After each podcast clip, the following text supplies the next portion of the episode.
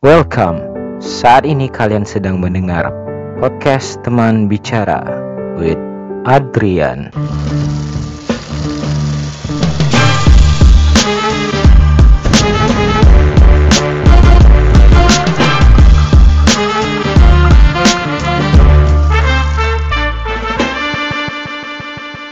Assalamualaikum warahmatullahi wabarakatuh. Balik lagi bersama gue Adrian di podcast teman bicara. Now today, hari ini kita balik lagi dengan penulis yang sudah melegenda dengan karyanya yang sudah diterbitkan. Halo. Siapa Pak? Bu jangan gitu dong opening. Ya. dengan teman Ah. saya eh, pakar penulis deh. Eh, enggak ada pakar deh, ya orang yang udah aktif menulis sampai saat ini yang cerita sedihnya menjadi sebuah karya, Faisal. Kan bukan Faisal Besari ya? Bukan, bukan, Pak. Faisal Pak. Eh, Faisal halo, dari eh, Literasi Rasa Pak ya. Iya dari literasi rasa. Apa kabarnya? Gimana perkembangan COVID di Pekanbaru Bapak? Ah sekarang saya sudah balik, alhamdulillah sudah sudah sebelum PSBB makan baru berlaku jadi udah balik ke ini, balik ke rumah. Kapan-kapan main ke Tembilahan kabarin Pak, kita perlu meet up nih Pak. Waduh, boleh. Lebaran kali ya?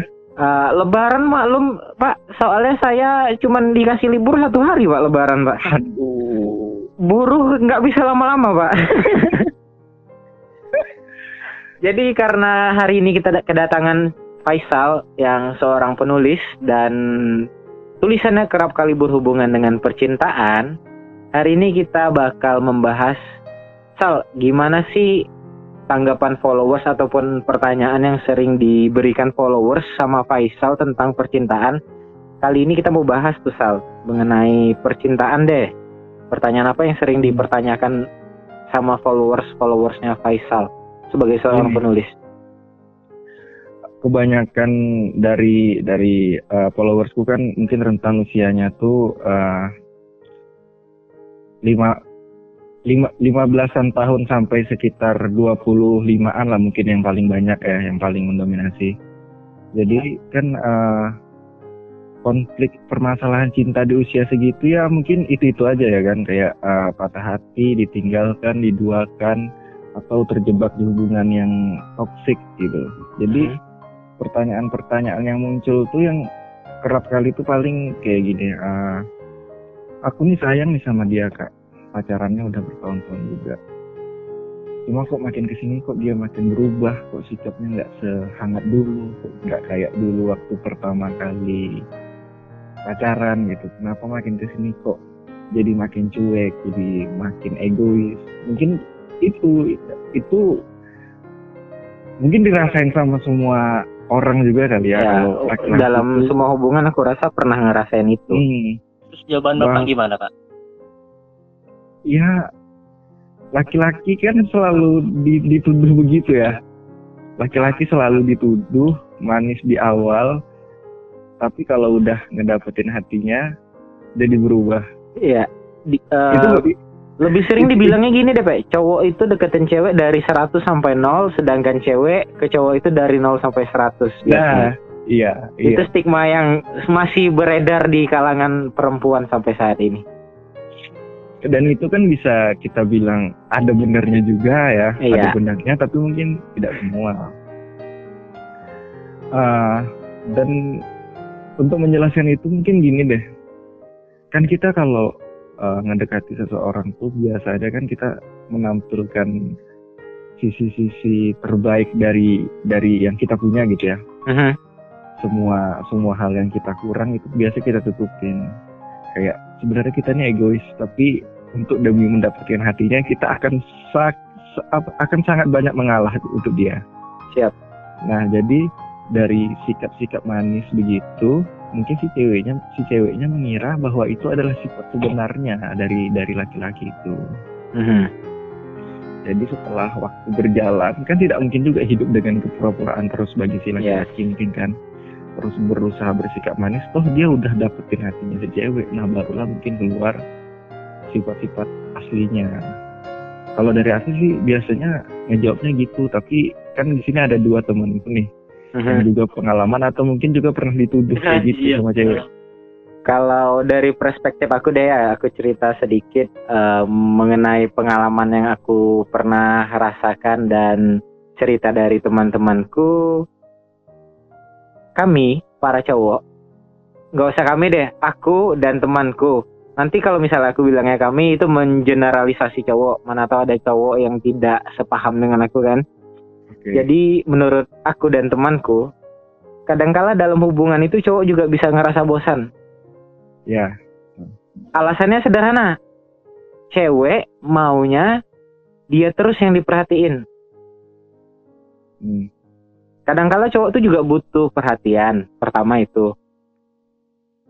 Kedua, kadangkala cowok tuh udah bosan, udah habis materi dia, dia nggak tahu lagi mau ngembangkan pembicaraannya mau ke mana, yang mau dibahasnya apa. Sedangkan respon dari ceweknya juga ya biasa-biasa aja, nggak ngasih ke ngasih feedback gitu, ngasih bahan eh, pembahasan atau buat seru-seruan atau buat gila-gilaan berdua. Mereka cenderung ya kayak kalau kehubungan yang udah serius itu cenderung boring. Ya paling ujung-ujungnya ya nanyain hari ini ngapain aja, tadi kerjaannya gimana, tadi sekolahnya gimana, Eh ada cerita seru nggak yang mau diceritain? Ya seputar segitu. Ujung-ujungnya ya cuman sekedar meng- mengkabar-kabari dan menceritakan sesuatu yang menurut aku nggak penting. Temannya Kalau Jujur gimana, dulu dong Pak. Apa pak? Temannya diperkenalin dulu. Oh ya ya, teman kita satu lagi ini si Azizul Fikri, fuckboy Hmm. kelas nasional dan internasional yang sepak terjangnya tidak perlu kita pertanyakan lagi dalam menaklukkan hati seorang wanita, terutama via dunia maya. Silakan Pak tanggapan Bapak Pak tentang hubungan yang eh, awalnya baik, terus makin Ya. lama makin ke ujung makin ngebosanin. Tanggapan Bapak sebagai seorang pria deh. Biasanya yang nanyain ini cewek nih kan Sal? Iya, biasa ini keluhan cewek-cewek. Ah, gini deh pak ya. Kalau menurut saya, yang namanya suatu hubungan itu kan pasti ada namanya tututan-tututan kan. berat. Hmm. Nah, Waduh berat ya. baik itu kalau kalau bakarnya ngasih tahu gini ya kan. Iya. Iya, iya. Langsung inti Pak ya. Iya, terus terus. di mana kan setiap eh, kita berhubungan pasti ada tahapan-tahapan yang mana pasti bakalan ada up down up downnya terus kan di mana kalau misalnya pacaran yang udah lama-lama itu kan pasti ada namanya sampai ke titik jenuh yang seperti followers followers bapak tadi ceritain kan Iya. kalau iya. menurut saya simpel aja sih Pak.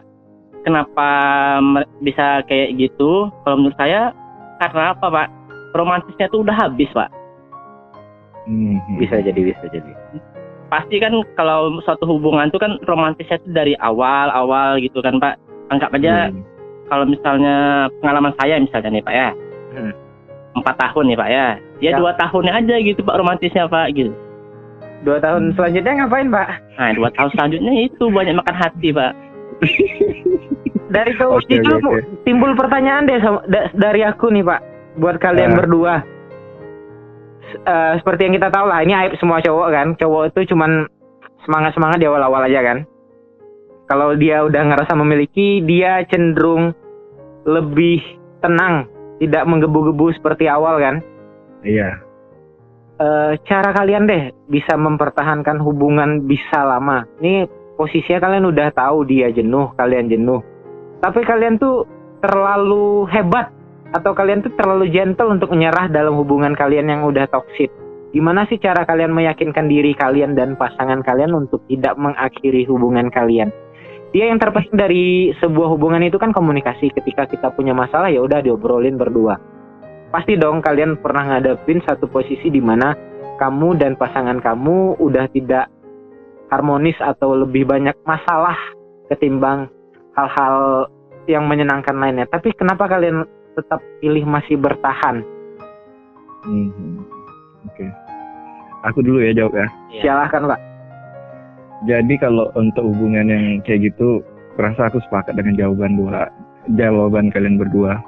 Ah, karena kalau hubungan yang bertahun-tahun gitu, ah, di tahun-tahun pertama kedua mungkin memang ya mungkin memang masih hangat-hangatnya gitu.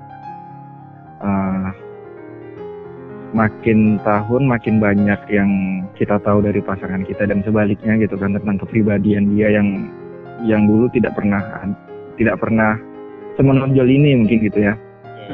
Uh, dulunya kita saling mengalah gitu ya saling memaklumi tapi makin lama uh, sifat-sifat kayak gitu terlihat. Uh, dan dari kekurangan masing-masing uh, lah pak ya. Iya dan hubungan yang lama gitu gimana ya? Kebanyakan tuh sifatnya terjebak. Kalau aku bilang ya terjebak uh, sebenarnya kita udah udah tahu nih dengan dia nih hubungannya udah sangat toksik sudah hilang hilang kebahagiaan di situ. Tapi kita udah ter, terlanjur lama udah terlanjur lama sama dia udah terlanjur dua tahun tiga tahun empat tahun gitu. Jadi kayak uh, berpikir untuk mengakhiri pun kayaknya aduh masa ya harus mulai dari awal dengan orang baru gitu kan. Uh, kebanyakan tuh kayak gitu posisinya. Jadi terjebak di sebuah hubungan yang memang sudah lama cuman ini ini hubungannya udah kehilangan arah gitu sudah tidak menuju satu tujuan yang sama. Kita tuh cuma tahu kita udah lama sama-sama hmm. gitu. Tapi kita udah nggak tahu lagi nih si laki-lakinya udah arahnya ke mana si ceweknya udah arahnya ke mana. Dan biasanya kalau ujung-ujungnya kayak gitu sudah sibuk masing-masing pak ya? Ya masing-masing akhirnya uh, memilih dunianya gitu. Uh-huh. si laki-laki ke dunianya si cewek ke dunianya. Ya itu tidak tahu akan akan bertahan selama apa ya.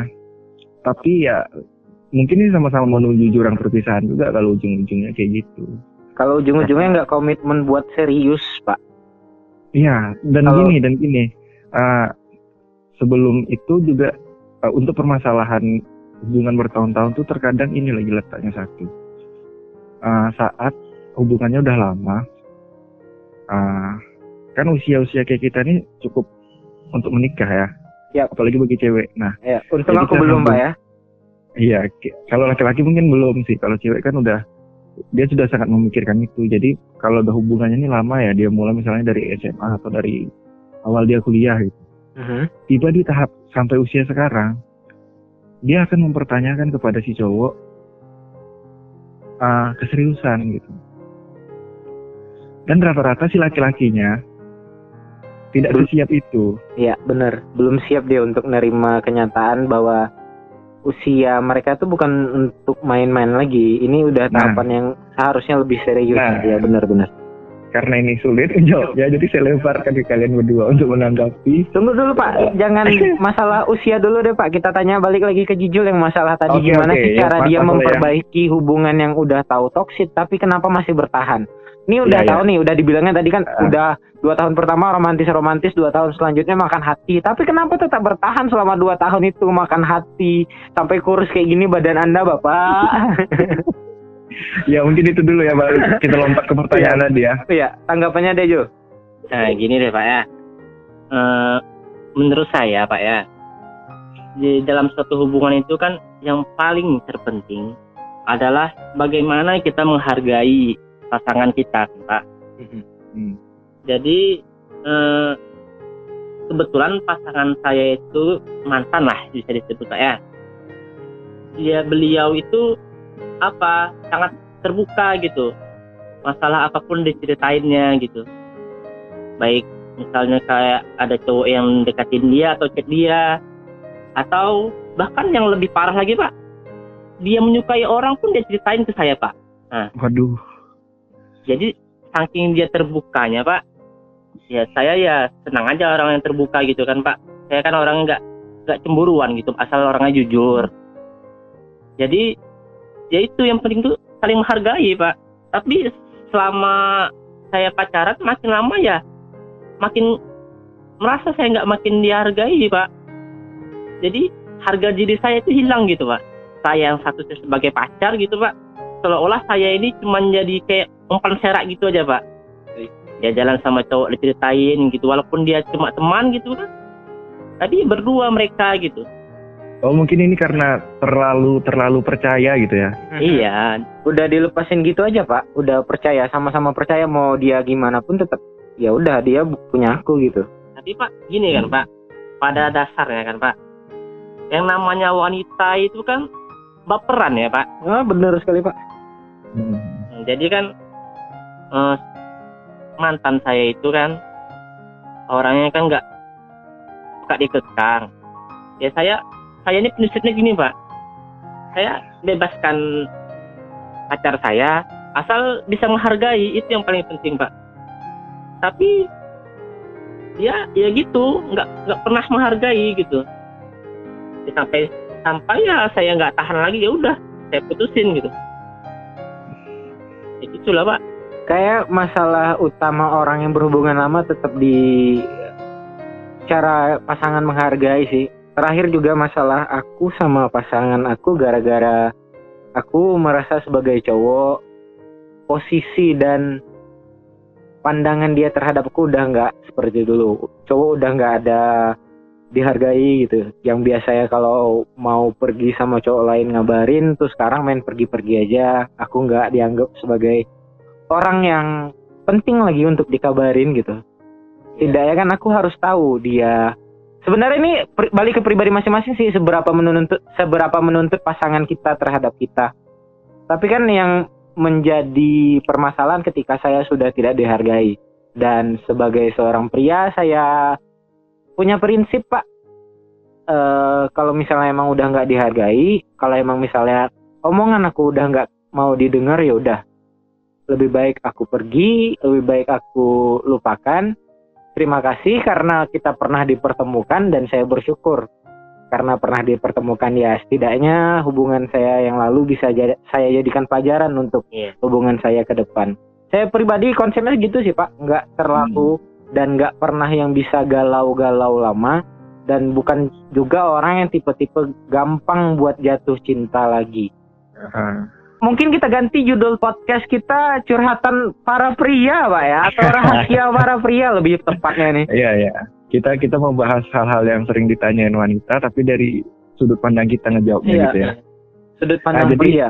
Nah, kita lanjutkan nih ke pertanyaan yang tadi yang mungkin juga teman-teman kita alami sekarang orang-orang yang pacaran seusia, Mhm. yang yang pacaran seusia yang ceweknya udah uh, usianya menikah, tapi si cowoknya ya mungkin masih kayak kita lah meniti karir gitu kan, Mhm. masih uh, mungkin kalau orang bilang ya udah nikah aja dulu nanti bakal ada rezekinya, itu kan sangat terdengar tidak meyakinkan gitu kan untuk Ya, orang-orang yang berpikirnya rea- realistis aja lah kita hidup di zaman yang kayak gini uh, kesiapannya kan memang harus mentalnya juga harus siap Mhm. materialnya juga harus siap gitu kan jadi kan uh, mungkin juga dirasakan mungkin pernah merasakan uh, ditinggal nikah karena si cewek memilih orang yang lebih siap dari kita Mhm. semoga, semoga ya tidak ada pengalaman seperti itu ya Iya, semoga Pak ya. Uh, semoga dan gimana nih menurut tanggapan kalian uh, tentang cowok-cowok yang diminta keseriusannya tapi dia belum sebenarnya belum bisa. Tapi si cewek ini sudah harus serius gitu. Kalau aku pribadi sih se- sederhana sih Pak. Karena aku pernah di posisi kemarin waktu hubungan terakhir aku emang udah pernah dipertanyain tuh. Hmm. mau sampai kapan kita kayak gini kan? Mau sampai kapan nih hubungan kita gini? Eh, aku makin lama makin tua katanya. Tuh nggak bisa nih main-main terus nih kayak gini nih usia kita terus bertambah. Kalau emang serius ya udah.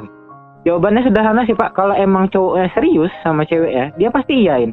Kasih aku waktu dua tahun tiga tahun lagi buat aku niti karir buat aku cari kerjaan buat aku siapin modal. Kalau emang cowok serius pasti ngasih jawaban. Kayak aku terakhir posisi terakhir kemarin aku sempat ngasih jawaban untuk minta waktu beberapa tahun. Tapi ujung-ujungnya ya gimana lagi pak udah coba bertahan sekuat tenaga udah coba beberapa kali selesaiin masalah ya ujung-ujungnya gini. Dan sampai saat ini saya pernah sih dah udah baru-baru ini pernah bo- coba membuka hati lagi. Tapi kayaknya nggak worth it deh. Saatnya sekarang lebih peduli tentang masa depan dan bagaimana cara menghasilkan uang dengan banyak. Fokus saya sekarang sih kayak lebih itu. Kayak terlalu sakit deh kak pak. Untuk usia saya mu- memulai suatu hubungan yang cuman buat main-main nah betul kalau jawaban saya sih sederhana. Kalau emang ceweknya nanya kayak gitu ke cowok terus cowok eh nggak ngasih jawaban ya berarti cowoknya belum siap. Dan dia masih belum siap dan bakalan terus belum siap buat ngasih kepastian. Ya udah tinggalin aja cari aja sesuatu yang lebih pasti. Kalau emang cowoknya serius ya pasti dikasih jawaban. Kasih aku waktu dua tahun tiga tahun katanya. Dua tahun tiga tahun kan bukan waktu yang lama dan bukan waktu yang sebentar juga setidaknya cewek itu butuh kepastian. Cewek itu butuh angka pastinya. Bukan cuman nanti ya tunggu. Nanti ya segini gini gini gini. Bilang deh satu tahun dua tahun. Kasih aku waktu. Ya udah. Itu yang namanya komitmen dan siap serius. Bukan cuman pas ditanyain kabur-kaburan. Bukan. Iya betul ya. untuk posisi aku kemarin aku pernah sal- ngalamin kejadian yang itu. Pernah ditanyain. Dan karena emang kemarin aku udah serius sama dia ya udah aku kasih angka pastinya Kalau dari teman kita satu lagi, gimana pak Eh, kalau saya pendapat aja dengan Adrian dan Bapak tadi ya. Tapi ada saran deh buat kayak umur-umur kita sekarang nih lah. hmm, Kalau bisa cari yang umurnya rentannya agak jauh bawah lah. yang, Waduh. yang masih siap buat main-main pak ya Maksudnya tuh tidak tiga tahun gitu. Kalau jangan kayak pengalaman saya dan Adrian ini yang seumuran gitu. Karena kalau misalnya yang seumuran ini kan, ya udah dia ini udah umur-umurnya nikah gitu. Sedangkan kita masih meniti karir gitu. Yes. Susah. pesan saya deh buat cowok-cowok yang seumuran kita yang 20 20 sampai 25 fokusin dulu deh buat berkarir fokusin dulu buat memperbaiki diri sendiri baru siap-siap bikin komitmen sama anak orang kesian anak orang juga sih pak iya, kalau untuk umur 20 sampai 25 cewek itu ngerasa dia udah ketuaan tuh Iya. dan udah harus menikah kesian ceweknya ya kan kita sayang sama dia kalau emang kita sayang ya udah seriusin jangan cuman jual janji Teman saya ada nih Pak, cewek nih cerita kan. siap siap Iya. Ya umurnya ya 24 juga gitu. Dia nih pacaran udah sekitar 2 tahun lah Pak ya. Hmm. Jadi dia nih pengen nikah aja lagi gitu.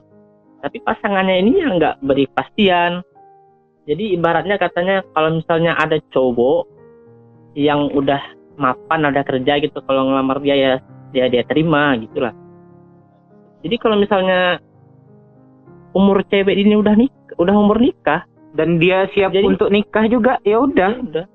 sebenarnya kesalahan cowok yang merasa dirinya menjadi korban ditinggal nikah itu perlu kita pertanyakan lagi pak Oh iya benar benar. perlu kita pertanyakan lagi mereka itu berperan sebagai korban atau mereka benar-benar korban Iya atau mereka cuma playing victim aja ya. Yes, itu maksud saya, Pak. Sebenarnya Ya, kalau memang kita siap buat nikah, cewek itu bakal sanggup nunggu. Serius. Kita kasih aja bilang, bilang dua tahun deh. Dia bakal nunggu kalau dia emang sayang. Nggak bakal dia main kabur-kabur nikah-nikah gitu. Percaya dah. Cewek itu cewek itu gimana ya? Cewek itu makhluk yang unik kalau menurut saya, Pak.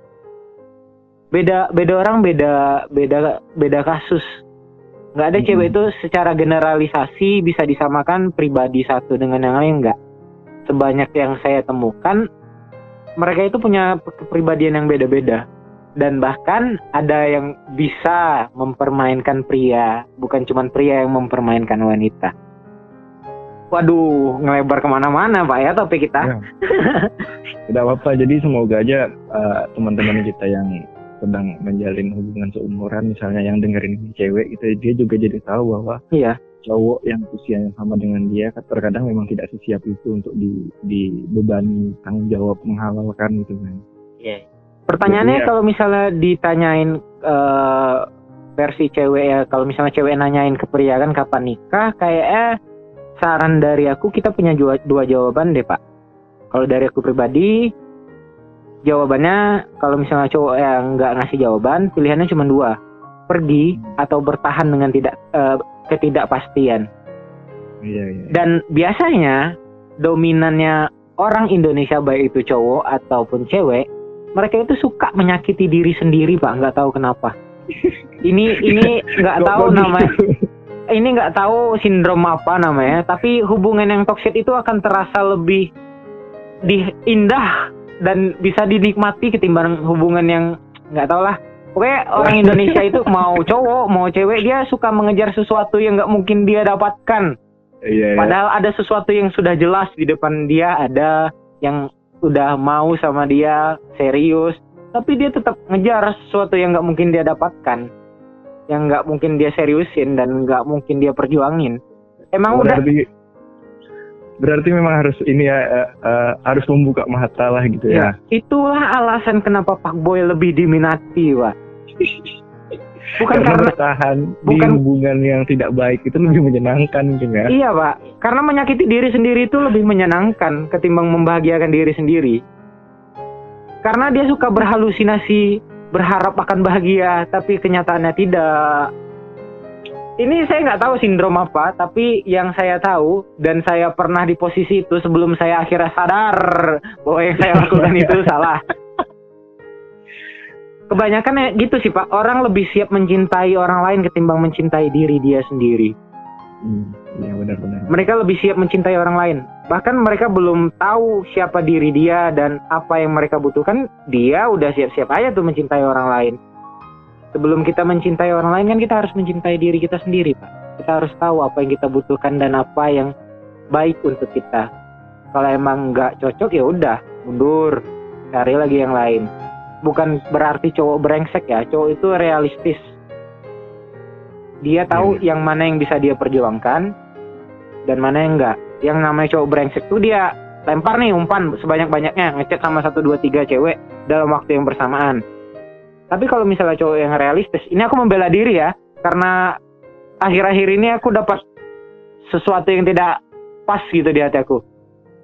Cowok yang uh, realistis tuh ketika dia dekat sama satu cewek dan gak ada respon, dia mundur, yaudah dia cari yang lain. Bukan berarti dia ngechat dua cewek dalam waktu yang sama. Dia punya opsi. Kalau aku bilangnya dia punya opsi. Dia punya opsi A, B, dan C, tapi tidak dalam waktu yang bersamaan. Ketika dia sudah sadar dan yakin dengan pilihannya oh ini cewek ini nggak bisa diperjuangin yaudah aku mundur.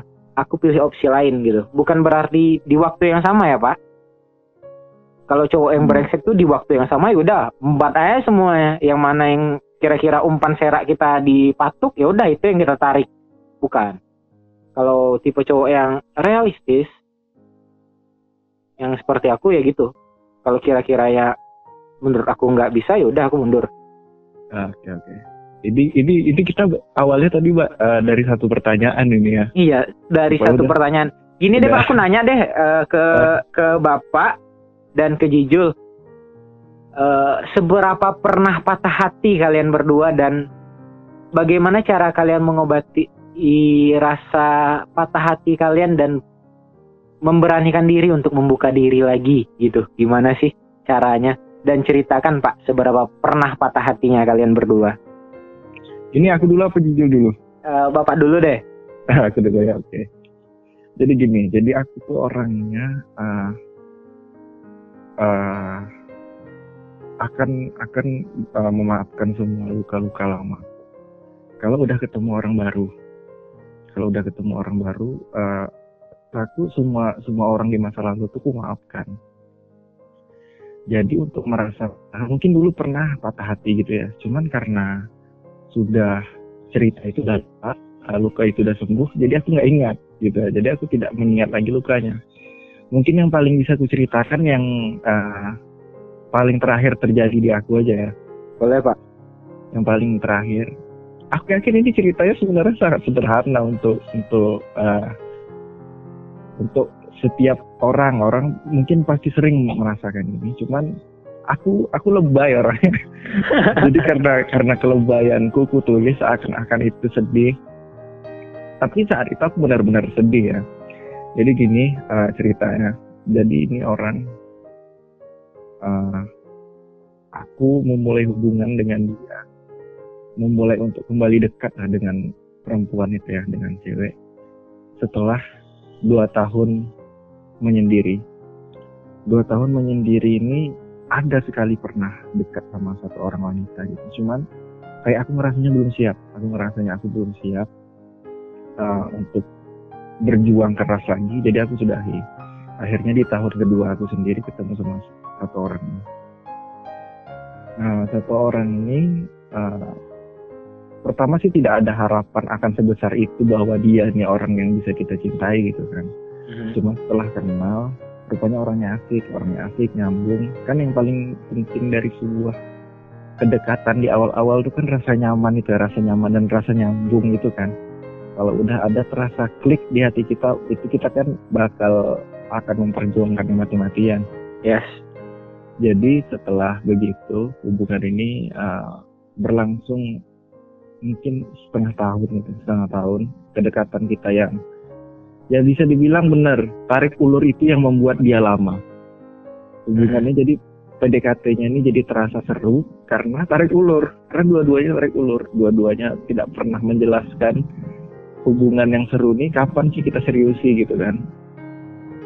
Sampai tiba suatu saat uh, aku uh, menanyakan ke dia bahwa kita nih sebenarnya bisa nggak sih lebih dari ini, lebih dari sekedar uh, dekat kayak gini.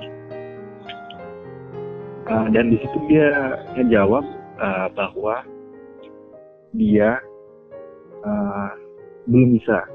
Karena ini tahun karena dia bilang waktu itu ya waktu itu itu tahun kelima dia sendiri. Jadi dia uh, kayak orangnya udah pernah terlukai. Dan dia nggak pengen untuk memulai segala sesuatu yang berhubungan dengan perasaan di situ aku ya tetap menerima kan tetap menerima karena bagiku oh nggak masalah. Berarti mungkin dia memang ingin dengan orang yang benar-benar serius nantinya. Toh uh, kedekatannya masih bisa dilanjutkan gitu kan. Dan siapa tahu dia bisa membuka hati untuk untukku gitu ya. Karena menurutku itu bukan sebuah penolakan gitu saat itu ya. Saat itu. Jadi setelah berlangsung lama kedekatannya terus berlanjut beberapa bulan tiba-tiba dia berubah dia berubah dia bilang bosan dengan hubungan itu dan meminta menjauh. Ya kita ini dong ya bingung ini sebenarnya karena apa gitu. Kok tiba-tiba begini, kok tiba-tiba yang biasanya ngabarin sering terus balasnya sekali-kali. Pokoknya menurutku Pak itu kedekatan yang tidak biasa lah, tidak biasa untuk orang berteman gitu. Hmm. Jadi mungkin karena sikapnya yang begitu, akunya akunya yang jadi nyaman. Anggap aja aku yang baper ya, akunya yeah. jadi nyaman saya timbul uh, banyak pertanyaan nih Pak nanti. Oke, oke. Jadi uh, setelah dia menjauh, pergi menjauh, ya saya akhirnya pergi dengan tanda tanya besar kan. Ini sebenarnya ada apa sih? Uh, beberapa waktu kemudian Tuhan kirim jawabannya. Rupanya dia sedang menjalin hubungan yang serius dengan teman saya, astaga, dengan teman yang saya kenal, yang saya kenal baik gitu. Aduh, dari situ kayak ngerasa, waduh, dibohongin nih gitu. Bahwa sebenarnya alasan dia belum siap tuh memang bukan itu gitu. Uh-huh. sebenarnya dia siap-siap aja untuk memulai hubungan percintaan. Cuman kan orang yang dia tunggu ternyata bukan saya. Iya. Atau gini pak. Ada opsi lain selain bapak gitu. Maksudnya gimana? Uh, atau gini maksudnya pak. Uh, ada opsi lain gitu selain bapak. Nah iya, iya betul betul benar benar. Nah, jadi iya, saat, gitu. bapak saat, hanya pilihan uh, pak? Iya iya. Iya itu. Saya saya tuh kesannya gini uh, jadi waktu si teman saya nih follow si cewek ini dia itu sampai yang kayak bilang ah ini temanmu kan? Iya temanku. Diterima apa enggak? katanya. Di di accept apa tidak? gitu kan. Nah, aku bilang kan ya accept aja accept aja nggak masalah. Terus si temanku tuh dari awal kenal emang memang gini emang memang uh, bilang kalau dia sudah kagum lama dengan si cewek ini. I see. Cuma, ya cuma baru berani gitu. Ya ya aku sebagai sebagai orangnya biasa aja lah menurutku. Yang penting kita bersaing bebas lah gitu kan. Okay, okay. kita bersaing bebas tidak masalah juga gitu. Tapi akhir akhirnya itu kayak aku bisa kok pergi dengan baik-baik aku bisa undur diri. Tapi caranya jangan dengan membohongiku dong. Gitu jangan jangan dengan uh, bilang kalau nggak mau pacaran lagi pengen yang serius. Eh rupanya pacaran juga gitu. Jadi uh, aku tuh terakhir tuh kecewanya gitu aja. Uh, karena si cewek ini karena aku sudah lama sekali tidak, tidak juga tidak berani untuk membuka hati sekalinya baru aja membuka hati ya rupanya harus patah lagi kan. Yeah. nah jadi ya menurutku itulah yang terakhir yang paling akhir yang paling ku ingat patah hmm. hati yang paling ku ingat hmm. pak jadi intinya gini hmm. pak ya berdasarkan pengalaman bapak ceritain tadi Terus hmm. banyak lah teman-teman saya yang ceritanya serupa pak. iya kan? iya. Ini kan? Jadi gini pak. Kasus ini banyak terjadi pak. Jadi, pak, jadi gini pak.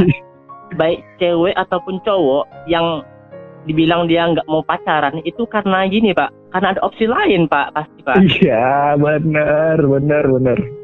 Dan Akhirnya aku sekarang sadar bahwa alasan itu sebenarnya nolak gitu kan. Ya bener pak, karena sederhana pak bagi mereka yang paham ya oh, ini tergantung jam terbang juga sih balik ke jam terbang lagi seberapa sering cowok itu ditolak.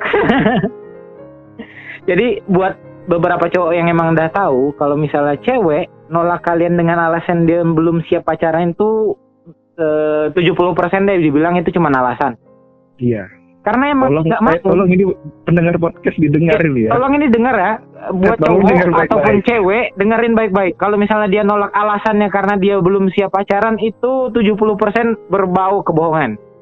Kenapa? Bullshit.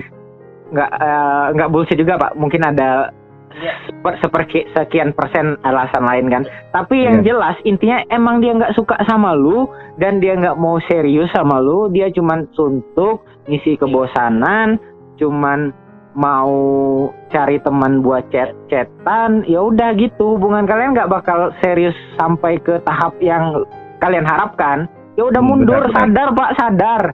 Mundur, mundur. Ayo Sadar, mundur. kalian harus sadar kalau emang dia serius atau suka sama kalian, nggak perlu kalian kodein buat tahu dia suka sama kita pun dia bakal ngasih kode duluan, Pak. Hmm, benar. Dia benar. bakal ngasih ujung-ujungnya dia bakal ngasih pertanyaan, mau sampai kapan kita kayak gini terus? Pertanyaan itu bakal muncul. Jadi kalau misalnya kalian dikasih jawaban, nggak ah, nggak dibolehin pacaran sama orang tua, nggak ah, nggak siap pacaran, nanti takut jat- eh, sakit hati lagi. Bullshit, 70% bullshit itu pak, pak. Tolong sadar. Kalian Tolong jangan sadar, menyakiti ya. diri sendiri, jangan menyakiti diri sendiri. Tolong sadar. Kalian itu harus punya nah gini. eh, eh, ini saya belajar dari beberapa orang. Jadi untuk cowok, cowok-cowok loyo yang tipe kalau tipe eh, cowok-cowok lugu, cowok-cowok loyo yang tipikal-tipikal deketin cewek cuman fokus sama satu cewek, nggak punya opsi lain. Tolong mulai sekarang jangan mau lagi disakitin ce disakitin cewek. Cewek pun begitu. Tolong jangan lagi mau disakitin cowok. Kalian itu harus punya opsi. Ketika kalian udah mau serius nih, ngelepas status jomblo misalnya. Kalian udah merasa jomblo itu sebuah aib. Kalian harus punya opsi A, B, C, dan D. Kenapa? Karena ketika kalian gagal dalam satu opsi, kalian masih punya opsi yang lain. Tapi tidak boleh dalam waktu yang bersamaan. Kalian harus Iya, fokus itu dulu ya sama satu orang. Kalau kiranya itu nggak bisa diperjuangin dan kalian nggak emang emang nggak pantas diperjuangin, ya udah mundur.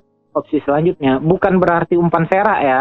Tolong jangan menjadi pak boy habis mendengar podcast kami ini. yang namanya cowok kan pak ya pasti mencari ya pak ya Iya. sedangkan cewek kan memilih pasti bahkan banyak cowok yang datang ke cewek Wah, Sedangkan- iya ini ini ya ini menarik. sedangkan kita ini kan ya mencari di mana kalau misalnya cewek ini ya pantas diperjuangkan ya kita perjuangin gitu sampai kita tahu gimana rasanya sama dia gitu Dan dan cowok harus tahu juga batasan sampai mana sih kalian pantas berjuang. nah iya Tolong eh, kadang gini Pak, cinta itu bikin goblok.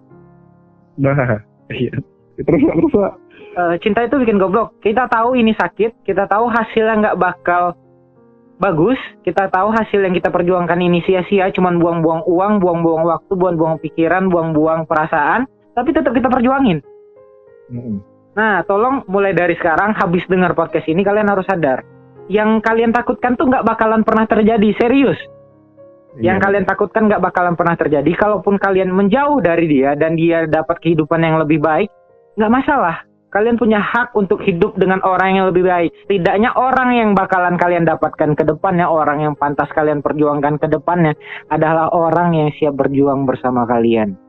saran saya pak ya kalau misalnya masalah patah hati itu ya kita tuh jangan berekspektasi lebih lah terhadap seseorang karena kalau misalnya kita terlalu berekspektasi sama seseorang ya itu kita bakalan makan hati terus ya kita merasa seolah-olah dia baper sama kita Yes. jadi kita baper juga sama dia gitu kan jadi kita pengen hubungan serius sama dia sedangkan dia Cuman- nolak kita secara halusnya kayak bapak ceritain Iya, dia emang Iya, emang iya. nggak suka. Kalau emang nggak suka mau kita jadi pangeran dari di- negeri Disney pun dia nggak bakalan suka. jadi jangan berekspektasi lah sama seseorang tuh tinggi kali dan kalau memang uh, udah saatnya kalian buat nyerah ya udah nyerah. Melupakan sakit itu nggak nggak nggak bakal ngabisin waktu kalian lama-lama. Kalian cukup mundur perlahan kalau memang mau langsung mundur ya udah mundur langsung tiba-tiba blok apa segala macam ya terserah kalian itu pilihan kalian. Tapi kalau bisa sih tetap jalin komunikasi silaturahmi kan tetap harus jalan karena ke depannya kan kita nggak tahu orang mana yang bakal menolong kita. Ya udah mundur. Mundur perlahan galau dua tiga hari udah habis itu udah cari lagi yang lain seperti kebanyakan cowok kayak pak kita kalau udah nemukan hal yang baru atau menemukan orang yang pantas kita dapatkan atau orang kita perjuangkan atau rasa baru rasa lama kita bakal lupa kok iya benar kalau hmm. untuk aku sih gitu, nggak tahu temen aku ya. Kok masih kayak gitu juga Jo? Ya Kalau misalnya kita emang udah, kalau emang kita udah ketemu sama orang yang baru, yang lama-lama nggak bakal terlalu sakit gitu rasanya untuk dikenang lagi. Malah positifnya bisa dijadiin pelajaran untuk kita selanjutnya. Cara terbaik belajar dari sesuatu adalah belajar dari kesalahan dan tidak mengulangi hal yang sama untuk kedua kalinya. Ya teman kita satu lagi belum menceritakan. Oh ya Pak, ceritakan Pak, bagaimana pernah sepatah hati apa sih seorang Azizul Fikri Hamzah terhadap seorang wanita gitu? Sampai di posisi mana sih Jul? Hmm, kalau misalnya untuk patah hati ya, ya setiap orang ya pasti pernah ngerasain namanya patah hati kan. Ya kalau prinsip saya ya gini, kalau untuk sekarang ini ya jangan nggak berespektasi kali lah sama orang karena pengalaman-pengalaman sebelumnya kan kita kita ini kan gini belajar dari pengalaman-pengalaman yang sebelumnya kan jadi kalau masalah patah hati itu ya siapa coba yang mau patah hati sakit patah hati kan sakit hati kan siapa coba yang mau terus ya anggapan saya ya gini nggak nggak usah berekspektasi lebih terhadap seseorang karena yang kita ekspektasikan itu ya belum tentu dia mau sama kita gitu Nah, kita ambillah kutipan dari Bapak, Pak ya. Dari Twitter Bapak nih. Saya tidak ingin Anda kecewa. Jadi jangan berekspektasi atau berharap apa pun tentang saya. Ah, saya ya, tidak hebat itu untuk menjadi seperti apa yang Anda inginkan. Nah, itu kan ya gitu. Jadi kalau padahal, mulai padahal itu padahal itu aku tulis untuk untuk diriku sendiri gitu ya. Iya, tapi hal yang hebat itu, Pak, uh, yang perlu kita lakukan itu bukan menceritakan bagaimana galaunya kita, tapi mengkaryakan bagaimana galaunya kita. Itu adalah penyaluran emosi yang baik menurut saya. Kita kan pernah bahas di podcast sebelumnya. Hasil ya. karya Bapak kan itu beranjak dari galaunya Bapak, galaunya seorang Faisal dan patah hatinya seorang Faisal hingga menemukan seorang yang baru.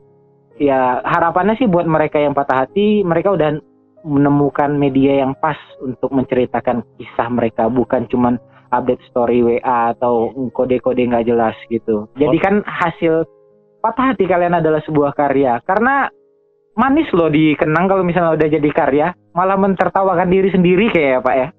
Iya, ya benar sih. Kayak aduh kok aku pernah goblok ya gitu. Muncul lagi Tapi, pertanyaan Pak dari aku Pak. Iya, okay. Untuk iya. kalian nih kan uh, rata-rata teman-teman aku yang mungkin pernah patah hati dan mereka sadar sekarang udah jadi pribadi yang lebih baik. Bagaimana sih cara kalian berdamai dengan masa lalu kalian? Hmm, iya, Dari iya. Faisal dulu deh. Uh, kalau aku tuh aku orang yang gini. Uh, sesulit aku suka sama orang, sesulit itu juga aku lupa.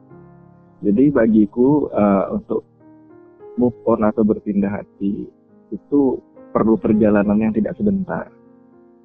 Uh, jadi aku juga sangat yakin di luar sana banyak orang yang tidak bisa segampang itu buat memulai kembali hubungan yang baru. Tidak hmm. segampang itu untuk uh, apa sih kita sebutnya berjudi gitu, berjudi dengan takdir. Apakah ini akan kita menangkan atau kita kalah lagi? Jadi kalau aku sendiri aku sangat menghargai tiap prosesnya. Karena aku tahu ini menghabiskan waktu yang kita nggak tahu batasnya kapan ya.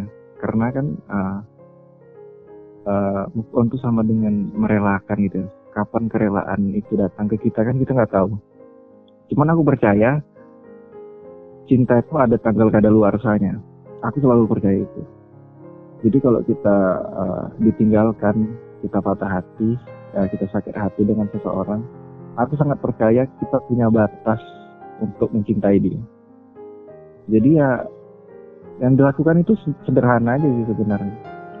Nikmati prosesnya walaupun sedikit demi sedikit gitu ya. Walaupun cuma perasaannya belum selesai tapi kita udah bisa uh, menghapus dia dari semua harapan masa depan kita. Itu sudah satu langkah yang besar gitu uh, udah tidak tidak memprioritaskan kabar dia kita sudah tidak memperdulikan uh, dia sedang apa gitu. Itu juga sudah langkah-langkah kecil yang memang harus kita jalani satu-satu.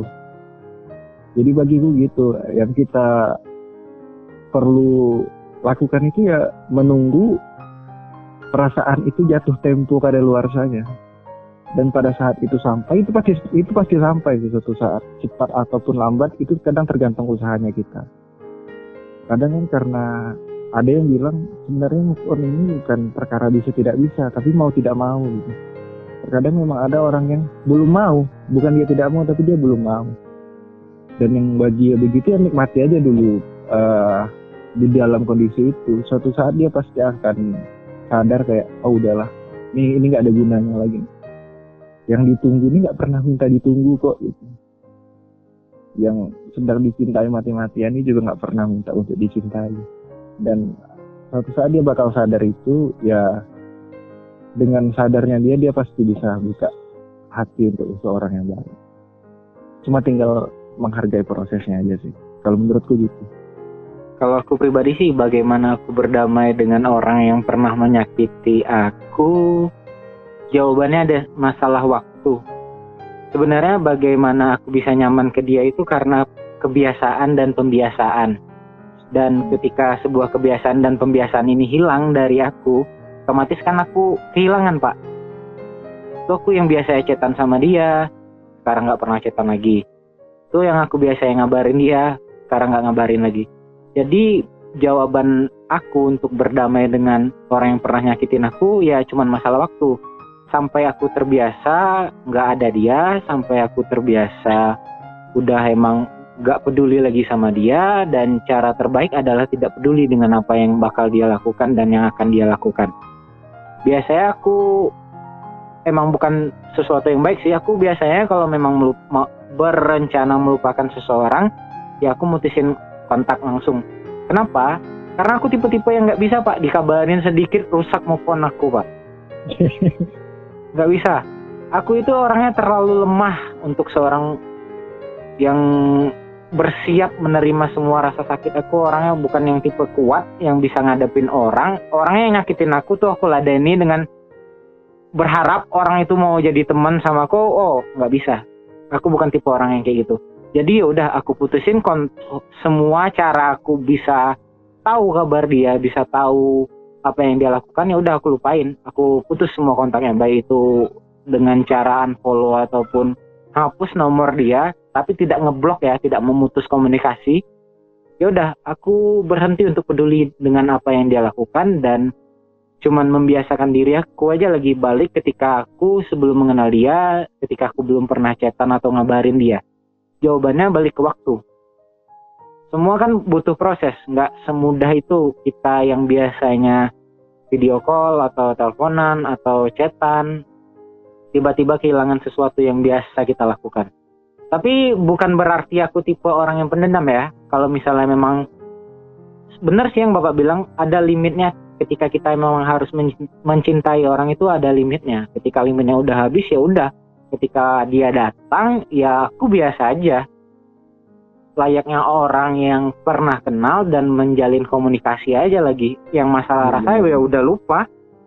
Karena aku udah lupa dan aku emang nggak mau ngulangin hal yang sama tapi untuk proses sampai limitnya rasa sayang atau suka aku ke dia itu belum habis ya aku memutus komunikasi biar biar nggak ngerusak move on aku deh bahasanya gitu kalau Jijul gimana Jo? Cara Jijul berdamai dengan orang yang pernah menyakiti Jijul asik hmm. kalau menurut aku gini sederhana aja pak. Cara melupakan atau berdamai dengan orang yang pernah melukai kita kita itu ya kita ingat aja gimana cara dia ngelukain kita gitu. Ya pasti kalau kita ingat bagaimana bagaimana cara dia ngelukain kita kita pasti sakit hati kan pasti membenci dia kan. Ya udah gitu sederhana itu. Tapi ya jangan putus komunikasi juga. Setidaknya kan ya bisa jadi teman gitu nggak harus lost kontak gitu. Tapi berbeda nih pak. Ada yang unik dengan kasus saya pak. Di mana ya saya ya ya nggak ada rasa, rasa lagi kan ya udah teman aja gitu kan. Tapi ya dia ini masih masih nelpon telepon bahkan dia ini curhat pak tentang hubungan dia yang baru pak. Lucu kali pak. Yang parahnya lagi pak dia ini kadang malah menceritain flashback kisah-kisah aku dan dia gitu jadi kan kalau membuat membuat saya itu jadi baper lagi gitu. Ya udah jadi solusi saya ya saya lost kontak aja dia. Karena karena dia berlebihan kali kan. Ya kalau dasar prinsip saya ya kalau mau berteman berteman aja. Jangan yang membahas-bahas masa lalu kita, bahas-bahas hubungan kita, terus curhat-curhat masalah sedih cerita dia, di mana dia itu kayak misalnya kayak seolah-olah kena karma katanya karena gak pernah menghargain aku gitu. Jadi kayak minta dikasih empati gitu ya. Jadi saya mak makin benci aja gitu ya udah. Ya Jauhin aja gitu. Jadi kasusnya ini gitu ya, sedikit kan? lucu pak ya, beda orang beda perspektif, beda isi pikiran, tapi dengan satu solusi yang sama menurut saya pak. Ya, iya benar. Dan dan semoga orang di luar sana juga uh, jangan betah dia lama-lama iya. disakitin gitu ya. Jangan hmm. jangan mau lama-lama disakitin. Kita tuh punya pilihan dan yang salah itu tetap ke pribadi masing-masing. Kenapa sih orang itu kebanyakan lebih suka menyakiti diri sendiri?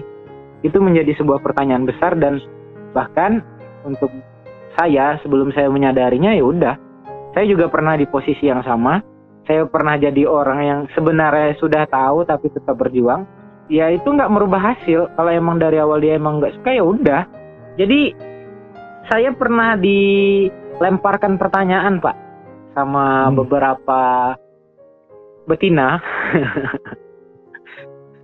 Uh, kenapa sih katanya cowok itu baperan? Dikasih perhatian dikit baperan. Chatnya dibalas cepet dikit baperan. Sering teleponan baperan. Padahal kan kita nggak pernah punya uh, pernah serius punya rasa sama cowok katanya. Dan kenapa sih cowok itu nggak bisa diajak jadi temen bagi cewek tolong dijawab bapak-bapak sekalian.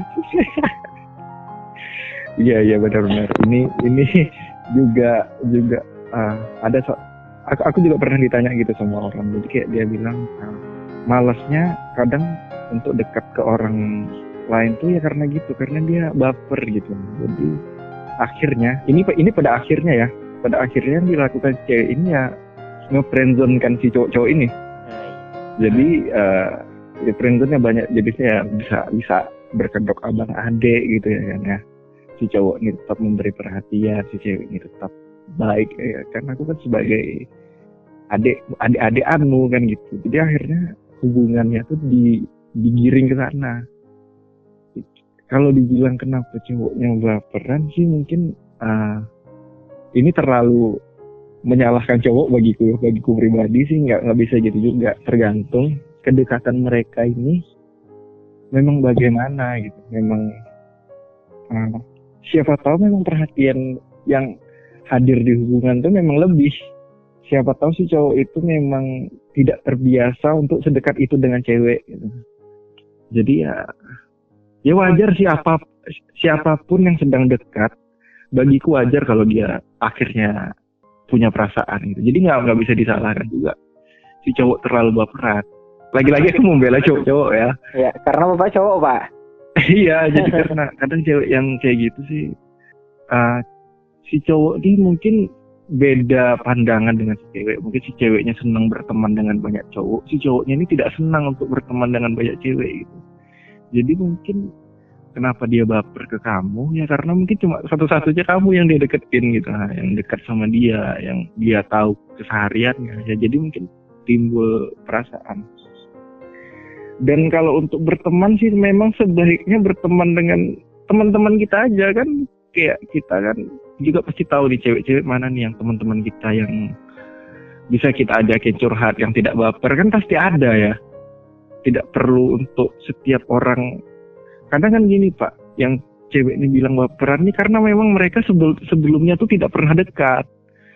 Mereka tidak pernah dekat tidak pernah seintens itu tiba-tiba intens ya gimana sih cowok? Nggak menaruh perasaan gitu kan. Mhm. Ah, coba deh yang memang sudah sangat lama berteman gitu kan kita juga punya sih teman-teman kita dari kecil yang cewek-cewek atau yang cowok-cowok gitu kan. Biasanya kalau mereka uh, bercerita dekat itu mereka nggak nggak akan baper. Karena mereka udah tahu satu sama lain gitu kan. Cuman kalau yang tiba-tiba dekat itu biasanya beresiko untuk salah satunya punya perasaan Ada reaksi ya Pak ya. Mm-mm. mungkin dari aku kayak gitu Eh, kasusnya sama sih pak. Menurut aku juga pendapat aku tetap sama sih. Biasanya cowok sama cewek itu kalau emang dari awalnya mereka belum pernah kenal, tiba-tiba chatan, terus si cewek nganggapnya itu cuman sekedar buat jadi temen, itu nggak wajar. Kenapa? Mm-mm. Karena nggak em- emang bukan batas yang wajar untuk cowok yang belum pernah kenal tiba-tiba deket sama cewek, terus itu cuman dianggap temen itu gila, bisa dibilang Gila. gila. Karena emang emang niat cowok itu dari awal deketin cewek itu ya buat cewek itu suka sama dia, bukan buat jadi temen. kayak cewek-cewek anda yang tidak peka gitu Karena persepsi anda yang salah wanita-wanita ini, betina-betina ini. Jadi- anda yang tidak peka Dia makanya nggak nggak bisa kalian salahin kalau cowok kalian itu tiba-tiba cemburu atau marah kalian dekat dengan cowok yang dia tahu sebelumnya kalian nggak pernah deket dan bukan teman akrab kalian ya karena dia tahu karena dia seorang pria dan dia tahu cowok itu pasti pernah punya rasa atau sampai saat ini masih punya rasa sama si betina. Dan emang bener sih kalau misalnya kenapa cowok baperan? Ya karena emang kalian yang deket sama dia dia nggak punya wanita lain atau betina lain yang deket sama dia. Beda dengan kalian mungkin kaum betina yang para pria datang ngedekatin kalian. Kalian punya banyak opsi dan kalian ngerasa yang kalian perlakukan ke dia dan pria lain sama aja. Dan kalian anggap itu hal yang wajar. Tapi buat si pria kita posisikanlah pria ini yang emang chatannya cuman sama si betina teleponannya ngasih kabar cuman sama betina dan dia nggak memperlakukan betina-betina lain atau wanita lain dengan perilaku yang sama ya wajar sih cowoknya jadi baperan. Itu sih alasan kenapa mungkin ini nggak bisa kita generalisasi juga sih. Karena mungkin sebagian cowok bisa baper sama cewek karena di- dia nggak punya opsi lain dan dia sudah berekspektasi tinggi dan ya, si betina nggak nggak peka. Dan Iya, iya. alasan kenapa cowok dan cewek itu dari yang nggak pernah kenal tiba-tiba kenal intens. Kemudian ujung-ujungnya cuman dianggap sebagai teman ya nggak logis juga. Karena niat awal cowoknya itu ya buat nge- nge-track buat ceweknya suka sama dia. Karena dia punya rasa. Dari pandangan aku sama sih pak. Kayak pikiran kita sama untuk masalah ini. Gak tahu teman kita tapi yang teman kita satu lagi? Ya sama aja sih Pak. Soalnya ya gimana ya? Ya saya ini kan udah pernah nih pengalaman ya. pengalamannya banyak nih pak Gimana man pacar saya ini ya orang terbuka sama cowok gitu. Ya saya udah bilang ya kamu harus tahu yang namanya batasan-batasan antara teman. Apalagi baru kenal, kemudian ya cowok itu ya pasti bakalan membuat eh, pacar saya itu tertarik sama dia gitu. Ya udah jaga batasan jangan terlalu dekat lah sama cowok yang baru kenal. Karena nanti kan yang namanya cewek kan baperan juga gitu. Ya kamu bakalan nyaman sama dia gitu. Ya udah kejadian. Udah berapa kasus itu Pak? Kejadian dia nyaman sama orang lain. Ya dia bilang ya cuma teman, eh cowok eh cewek ya gitu, alasannya cuma teman tapi nyaman katanya. Ya apa bedanya gitu kan? aduh. Ya itu yang pengalaman yang ha- hati yang sering saya rasakan gitu. Ya ujung-ujungnya ya dia balik lagi ke saya gitu. Ya terus ngulang kesalahan yang sama lagi. Kenapa sih masih mau bertahan kemarin tuh Jul? Untuk posisi yang kayak gitu. Kan udah tahu nih, udah sama-sama sakit. Kaunya sakit ke dia, dia pun sakit kalau misalnya terlalu dikekang. Kenapa sih masih mau bertahan kemarin tuh? ya karena ya karena aku udah tahu dia gitu udah Terlalu sulit untuk memulai sesuatu yang baru dengan orang baru gitu. iya sulit sulit sekali gitu karena udah aku udah tahu dia sifat dia gimana ya aku pengen dia tuh ya udah berubah lah jangan kasih batasan lah sama cowok gitu kan ya dia nggak bisa juga ngelakuin itu gitu. Akhirnya nyaman lagi sama orang lain. Bahkan ya mohon maaf nih bahkan pernah nyaman sama teman saya sendiri gitu. Yang cewek bukan bukan bukan aku ya. Iya. Bukan saya juga, Pak ya. jadi gini Iya. jadi gini kalau cowok kan kayak cowok cewek nih nyuruh cowok hapus hapus kontak cewek-cewek ya. Cowok iya aja. Terus coba kalau cowok nyuruh cewek itu hapus kontak jadi alasan dia apa? Ya cuma teman katanya Ini yang prinsip cowok-cowok loyo yang aku bilang di awal. cowok yang mengiyakan semua kata wanita ya gini. Cowok tuh harus punya prinsip kalau misalnya menurut dia itu nggak baik dan itu bukan batasan yang wajar untuk sekedar pacar khusus ngapus-ngapus apa segala macam. Ya udah bilang enggak. Kalau cewek kalian emang bisa nerima ya udah. Tapi yang masalahnya ketika cowok udah suka sama cewek dia bakal mengiyain semua kata cewek. Ini cowok-cowok loyo nih yang kayak kayak gini nih, yang susah diatur hidupnya. Dan biasanya juga gini pak, kasusnya yang sering terjadi nih pak. Eh, gimana bilangnya ya? Kenapa sih cewek itu cenderung gampang menerima banyak hati? Karena saya pernah dapat kata-kata begini pak. Kita boleh sayang sama banyak orang, tapi kita cuma boleh cinta sama satu orang katanya pak. Itu yang dibilang cewek tuh pak. Gimana tuh pandangan bapak tuh? Dia boleh sayang sama banyak orang, tapi dia cuma boleh cinta sama satu orang. Sebagai cowok, saya nggak bisa menerima kata-kata itu dong pak. wah ya sama saya saya setuju saya sangat-sangat egois. Kalau bisa semua cinta dia dan sayang dia hanya untuk saya pak. Iya. Dan ke- kenapa saya egois? Karena hal yang sama saya lakukan untuk dia. Hati saya terlalu sempit untuk menaruh banyak perasaan. Dan ketika saya menerima kata-kata itu, ya, wow, Wah. Anda sangat berbeda dengan prinsip saya. saya nggak bisa terima. Saya bilang tidak. Kalau Bapak deh Pak dapat kata-kata seperti itu, bagaimana sih tanggapan Bapak? Ah, Ini dua hal yang nggak pernah bisa disatukan nih. Kenapa betina-betina dan para jantan ini sulit untuk menemukan satu titik pembicaraan yang serius? Karena perspektif pria dan pri- wanita itu selalu berbeda. Saya penasaran nih Pak, besok kayak saya harus undang salah satu perempuan deh Pak, biar oh obrolan- iya benar benar obrolan Iya, kita nih lebih ada yang menengahi gitu. Karena dari tadi kita ya menyampaikan perspektif dan egonya seorang pria nih Pak. Dari Iya, kita benar, mulai benar. podcast udah hampir satu jam ini kita menyampaikan egonya seorang pria nih. jadi nanti kita harus undang cewek terus kita Iya. tanya-tanyain dia Kita tanya-tanyain dia. Tentang pertanyaan-pertanyaan kita yang bakal menjebak dia gitu ya Jangan mau hanya pria yang dikasih pertanyaan. Wanita Iya, iya. juga harus dikasih pertanyaan. Tapi biasanya mereka punya seribu cara sih buat pria merasa bersalah. Itu sih hebatnya. Dan pria-pria loyo yang belum belajar sih ya mereka hmm, gimana bilangnya ya? Ya udah, mereka nggak buat salah ya mereka minta maaf gitu. Iya iya menarik ya menarik kalau ada cewek di podcast selanjutnya untuk bicara masalah Saya cari yang ya. kira-kira memang kapan eh, comfortable pak ya untuk bicara. Yang memang yang memang kira-kira yang pantas nih kita nanti cari cewek siapa ya yang kira-kira siapa terjangnya dalam mempermainkan pria banyak ya. yang punya banyak pengalaman yang lah punya gitu banyak ya. pengalaman pak, karena kita perlu tahu perspektif dia biar ada jalan tengah gitu. atau Iya, undang aja yang bilang sayang banyak cowok itu siapa tuh Boleh Jul kalau memang mau kayak gitu kita undang Jul. iya kalau benar, memang benar. anda bersedia pak, saya datangkan. Bo- boleh boleh kita kita pengen Kita, kita tergantung jujur nih, kayak mana melobi ke dia untuk datang di podcast kita. Itu kata-kata yang nggak bisa saya terima loh Pak, by the way. Kita boleh sayang sama banyak orang, tapi cinta kita cuma buat satu orang. iya iya iya benar benar benar benar Atau Menarik, menarik. saya yang salah menafsirkan antara sayang dan cinta ya. Atau penafsiran cinta dan sayang saya dan dia emang berbeda gitu. Ini mind blowing sekali loh Pak. Ketika pandangan saya sayang dan cinta itu dua hal yang berjalan bersamaan, dia membedakan kedua hal tersebut. iya iya benar benar Eh, karena itu kan juga banyak terjadi ya kayak gebetannya banyak tapi pacarnya satu gitu kan. Ya jadi ya gimana kita harus mintain pendapat. Kalau bisa tuh orang-orang yang yang ini yang kayak gitu.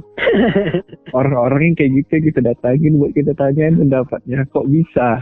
Kok bisa dia? Apa dasar dia berkata demikian kan, Pak? iya benar benar Sayang dan cinta itu adalah sesuatu yang berjalan beriringan iya benar dan mereka Oke. memisahkan kedua hal tersebut. Ibaratnya nih bakso deh sama kuahnya dipisah katanya kan. dalam satu bungkus gitu. Kan nggak lucu. Berarti ini podcast selanjutnya mungkin akan sangat menarik ya. Mungkin akan sangat menarik. Saya pun akan mempersiapkan pertanyaan-pertanyaan sulit deh Pak. Nggak kayak benar. hari ini nih Pak. Nih ini kita kan podcastannya tanpa konsep nih awalnya nih Pak. Ya, iya, iya. Saya juga pasti akan bertanya banyak hal dengan itu cewek. Banyak pengalaman saya ini Pak. Boleh, Oke Pak, boleh, udah hampir satu jam 12 menit kita podcastan.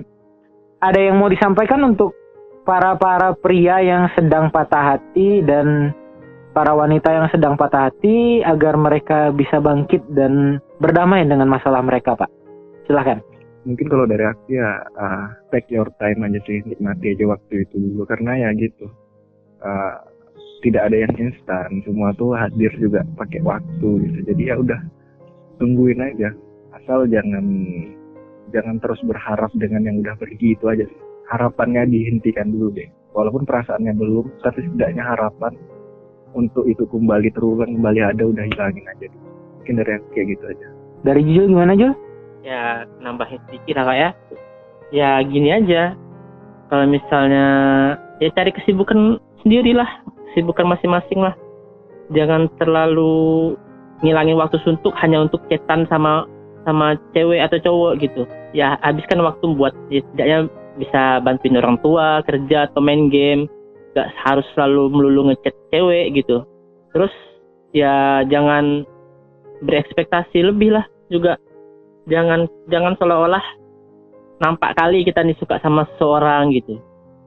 Ya pasti tanggapan yang kita suka itu bisa lain. Bisa aja dia sama kita gitu. Jadi kita ini kasih batasan yang wajar aja dulu kalau misalnya pun ada rasa ya simpan aja dulu terus ya udah nikmati aja prosesnya bakalan sampai waktunya kan kata bapak tadi jalanin Hmm. aja terus gitu ya udah menurut saya itu sih Pesan aku buat mereka yang saat ini sedang patah hati dan mencoba berdamai dengan mereka yang menyakitinya. Pertama nikmatin prosesnya, kedua sibukin diri kalian. Kenapa? Karena yang bikin kalian gabut dan galau itu karena kalian nggak punya kesibukan. Coba deh lakuin hal-hal yang kira-kira bisa meningkatkan nilai kalian. Lakuin sesuatu yang memang bermanfaat buat kalian nggak mesti harus kalian ngabisin waktu kalian dengan sesuatu yang nggak penting coba coba deh sekarang eh, sibukin diri dengan baca buku karena kita tahu kan sekarang zaman zamannya corona kita dilarang buat aktif berkegiatan di luar rumah sibukin dengan sesuatu yang bermanfaat membaca buku belajar tentang bisnis atau belajar tentang cara menghasilkan uang cara melipat gandakan uang yang kalian punya dan cara menambah skill dan nilai kalian cowok itu yang aku tahu dihargain dalam tiga hal kalau mendeketin cewek ya. Pertama itu ganteng, kedua itu kaya, ketiga itu prestasi atau nilai dia. Ketika kita udah punya dari ketiga hal ini, ya udah kalian boleh siap deh membuka diri. Tapi kalau misalnya belum kalian punya ketiga ini, kalian perbaiki diri kalian dulu, kalian cintai diri kalian dulu, ya udah maju deh pelan-pelan membuka diri untuk mencintai orang lain. Jadi buat kalian yang saat ini masih patah hati dan berusaha berdamai dengan masa lalu kalian, nikmatin dulu prosesnya. Semua itu cuma masalah waktu dan masalah kapan kalian siap untuk memulai sesuatu yang baru. Terima kasih telah mendengarkan podcast ini dan terima kasih Pak Faisal udah meluangkan waktunya. Iya sama-sama. Terima kasih Jul. Abis ini kita mabar lagi Jul ya. Terima kasih telah mendengarkan podcast ini. Jika kalian suka, tunjukkan support kalian dengan selalu mendengarkannya di Spotify, di teman bicara official dan ditunggu deh episode selanjutnya yang kayak bakalan seru kita datangkan betina-betina yang sering menimbulkan pertanyaan sulit untuk dijawab para pria. Sampai jumpa. Assalamualaikum warahmatullahi wabarakatuh.